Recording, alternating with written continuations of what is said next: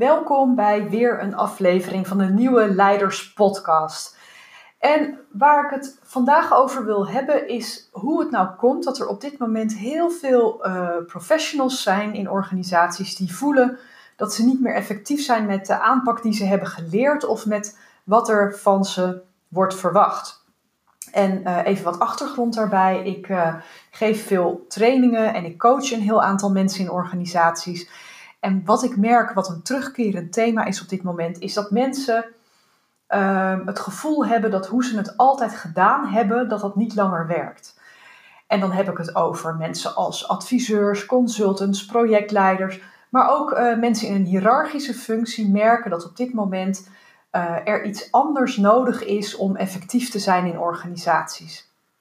En om nou te kijken wat daar aan de hand is, moeten we heel even uitzoomen en uh, bekijken wat er op metaniveau gebeurt. Dus niet alleen in organisaties, maar ook in de samenleving als geheel. Want wat je namelijk door de hele geschiedenis heen keer op keer ziet, is dat we als het ware net zo lang uh, vastzitten, uh, bijna gevangen zitten in de manier waarop we de wereld zien, totdat er een soort kantelpunt ontstaat.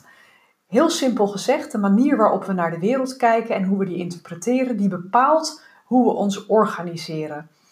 En als samenleving, als organisatie, maar bijvoorbeeld ook op het niveau van uh, huishoudens hebben we daarmee te maken. En onherroepelijk gebeuren er door de tijd heen uh, dingen, komen er nieuwe technologieën, ontstaan er problemen die we met het huidige denken of de huidige manier van denken niet kunnen oplossen. En ons huidige wereldbeeld verandert daardoor. En er gaan dingen knellen ja, die tot voor kort misschien geen enkel probleem waren. En meestal gebeurt dat helemaal niet, niet langzaam en gelijkmatig, maar meer als een soort schokjes, meer in, in stadia.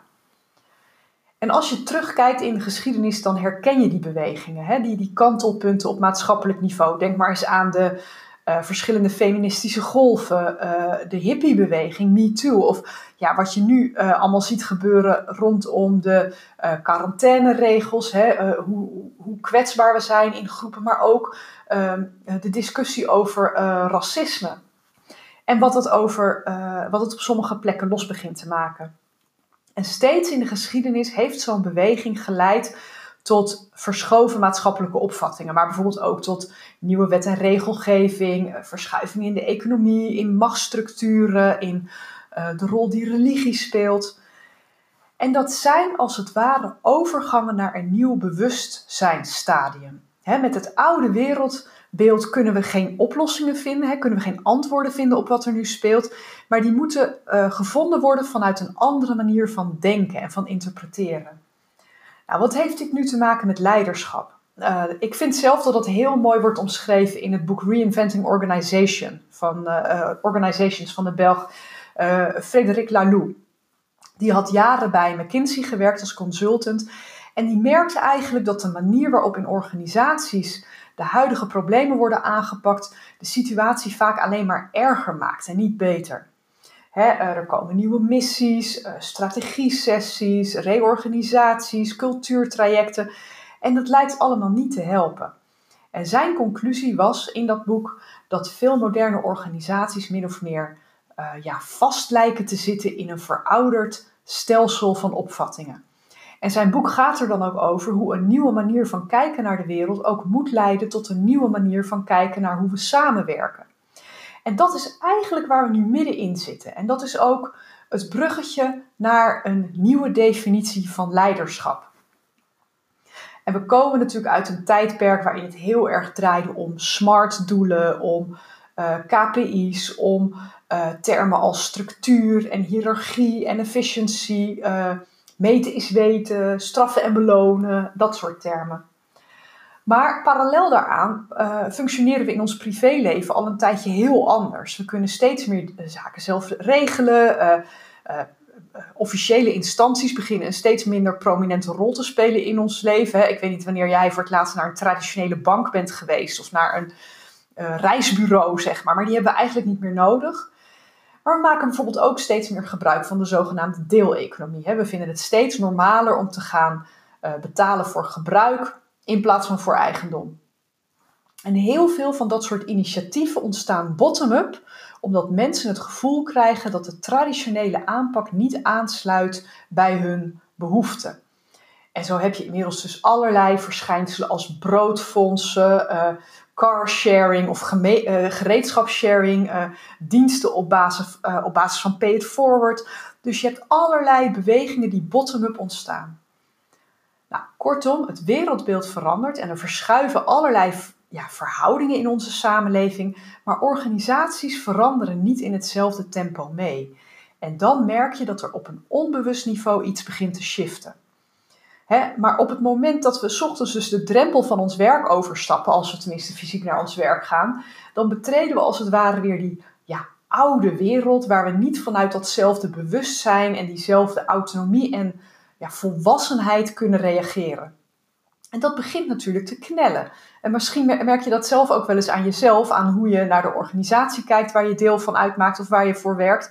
Ehm, eh, ja, dat, dat voelt soms ongemakkelijk. Uh, je wordt er wat ontevreden door. Je raakt soms gefrustreerd. En je merkt het natuurlijk ook in het uitvoeren van je professionele taak. Hè? Want zoals we hier uh, zitten bij deze podcast, hebben we allemaal een rol uh, als een vorm van leider. Of dat nou een hiërarchisch leider is of iemand die vanuit zijn persoonlijke leiderschap andere mensen voor elkaar uh, moeten krijgen. Uh, we hebben allemaal een rol als leider. Maar goed, um, wat we in het werk dus merken en waar veel van ons in meer of mindere mate last van hebben, dat is een soort disbalans. We ervaren vanuit dat uh, oude, output-gestuurde organiseren, om het maar even zo te, uh, te, noemen, ervaren we onszelf als een soort resource. Hè? Zo worden we zelfs vaak genoemd, een menselijk productiemiddel. Terwijl we vanuit ons leven naast het werk ervaren dat we als mens een totaalpakket zijn. Hè? We hebben een unieke set aan talenten, voorkeuren, eigenaardigheden die we kunnen inzetten om, om dingen in beweging te brengen en om ook echt impact te hebben. Bovendien ervaren we ook volop dat het leven gewoon niet zo planbaar is als wat we in organisaties proberen te organiseren. We proberen ons werk altijd zo productief en voorspelbaar en, en risicoloos mogelijk te maken. Nou, als je dat alles bij elkaar optelt, dan begint dat een beetje te schuren en te knellen. Het is heel moeilijk om mensen gemotiveerd te krijgen om ergens vol voor te gaan als de, uh, de drijfveer daarvoor bijvoorbeeld is, ja, dit hebben we nu eenmaal afgesproken in een meerjarenvisie. Of omdat een bepaalde eh, KPI gehaald moet worden. Nou, er wordt op verschillende manieren al wel ingespeeld natuurlijk aan die behoefte aan meer individueel maatwerk. Hè. Je hebt op grote schaal al, al jarenlang uh, cafetaria-modellen bijvoorbeeld, waarmee werknemers hun eigen pakket aan arbeidsvoorwaarden kunnen samenstellen. Je ziet steeds meer persoonlijke leerbudgetten. Um, en, en een ontwikkeling die je de afgelopen paar jaar ook ziet opkomen en die daar echt een uiting van is van het nieuwe bewustzijn, dat is zelfsturing. Er komen steeds meer zelfsturende teams en zelfsturende organisaties en dat sluit natuurlijk heel erg aan bij die behoefte aan minder bureaucratie en meer autonomie. En in de praktijk is dat vaak nog wel een soort hybride model hoor. Eh, dan bepaalt eh, de directie of het hogere management het waarom doen we dat nou precies en, en wat doen we dan precies. En de teams die hebben alleen maar zeggenschap over het hoe. Dus het is niet helemaal zelfsturing of zelforganisatie in de, in de meest pure zin van het woord. En uh, het zijn natuurlijk ook vooral praktische uit, uh, uitwerkingen. Maar waar het in de kern over gaat, is het terugbrengen van balans in organisaties. Hè? De balans tussen wat ik noem het mannelijke en het vrouwelijke principe. En dat heeft helemaal niks te maken met of je nou man of vrouw bent, of met feminisme of met emancipatie, maar puur met de manier waarop we het georganiseerd hebben. En als je even kijkt naar het uh, Taoïsme, uh, en ik, ik, ik, doe een Taoïstische opleiding, dus dat spreekt mij bijzonder aan. Uh, daar wordt het mannelijke principe wordt yang genoemd, hè, van yin en yang. En het mannelijke principe wordt door Taoïsten yang genoemd. En dan heb je het over kenmerken als prestatie of resultaatgerichtheid, uh, maar ook volhardendheid en uh, daadkracht. En termen die we in organisaties veel tegenkomen die daarmee te maken hebben zijn budgetten en groei en targets. Daartegenover staat het vrouwelijke principe, dat is yin.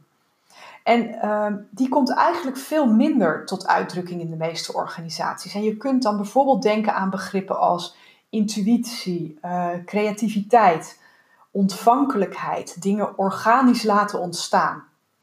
Maar het een kan eenvoudigweg niet door, uh, zonder het ander. als je naar zo'n yin en yang plaatje ziet, uh, kijkt, dan zie je dat dat witte en dat zwarte deel met elkaar precies in elkaar passen en uh, samen één geheel vormen en een, en een perfecte cirkel vormen. En ehm, weet je, uitsluitend dingen vanuit intuïtie min of meer organisch laten ontstaan, zonder enige kanalisering of daadkracht, dat maakt dat dingen heel erg langdurig kunnen worden met een hele onzekere uitkomst. Dat is natuurlijk niet wat je wil. Maar wat we nu merken, dat gaat over de, ja, de, de, de, de, uh, de, de grote nadruk die er ligt op dat mannelijk principe. En je merkt nu dat dat weer ten koste gaat van plezier, uh, creativiteit, uh, ons gevoel van mens zijn. En dat is ook een reden waarom we uh, burn-out en ver verstoorde werk-privéverhoudingen of weinig voldoening uit het werk halen, hè, dat, dat we dat heel veel horen. En als mens hebben we per definitie beide kanten in ons. Het een is soms wat meer dominant zichtbaar dan het ander. Maar in dat totaalpakketje zitten elementen van beide, van yin en van yang. En als je uh, op je werk maar één deel daarvan tot uitdrukking kan laten komen, dan kan dat, zoals ik al zei, echt gaan schuren. En met het bewustzijn dat we nu aan het ontwikkelen zijn, hè, en door onze opvoeding, door de manier waarop we ons in ons privéleven al kunnen uiten en ontwikkelen en groeien, door wat we meemaken, uh, wat we lezen en leren, daardoor wordt de behoefte steeds groter om ook op ons werk zo'n totaalpakket te kunnen laten zien en te gebruiken. En het is mijn voorspelling dat het ook nodig is om daar in de komende jaren heel sterk in te gaan investeren. Dus als ik het heb over nieuwe vormen van leiderschap, dan heb ik het ook heel erg over het uh, ruimte geven aan uh, dat vrouwelijk principe om naast dat mannelijk principe uh, te kunnen bestaan. En we kunnen natuurlijk daarvoor wachten uh, totdat onze leiders daar het initiatief voor nemen. Hè? Totdat iemand tot het inzicht komt van, oh ja, dit moeten we anders gaan doen en ze met een plan komen. Maar daarmee maak je jezelf natuurlijk afhankelijk en reactief. Hè? Want als je daarop wacht, wat je in feite doet, is uh, een bevestiging van dat oude denken. Hè? Je wacht tot het nieuwe bewustzijn via alle oude structuren uh, top-down doorcijpelt, zeg maar. En dat is natuurlijk ook niet nodig. Want niets weerhoudt je ervan om nu al aan de slag te gaan. Hè? Om zelf het heft in handen te nemen en op zo'n manier te gaan werken dat je het voor jezelf menselijker en prettiger maakt. Dat begint veel meer met een intentie, met een besluit, dan met een, een plan uitrollen. Want een plan uitrollen is per definitie weer een hele rationele, um, manier, een, een hele jonge manier om het maar even zo te noemen, uh, van een verandering op gang brengen. Terwijl een intentie, hè, met, met een bepaalde uh, uh, energie en een bepaalde insteek op het werk verschijnen, dat is al ruimte geven aan het vrouwelijk principe. En ze zeggen wel eens: verbeter de wereld, begin bij jezelf. En daar zit natuurlijk, er zit natuurlijk van alles in, hè? maar als ik hem iets anders mag formuleren, dan zou ik zeggen: verandering begint bij waar jij als persoon, als individu, wel invloed op hebt.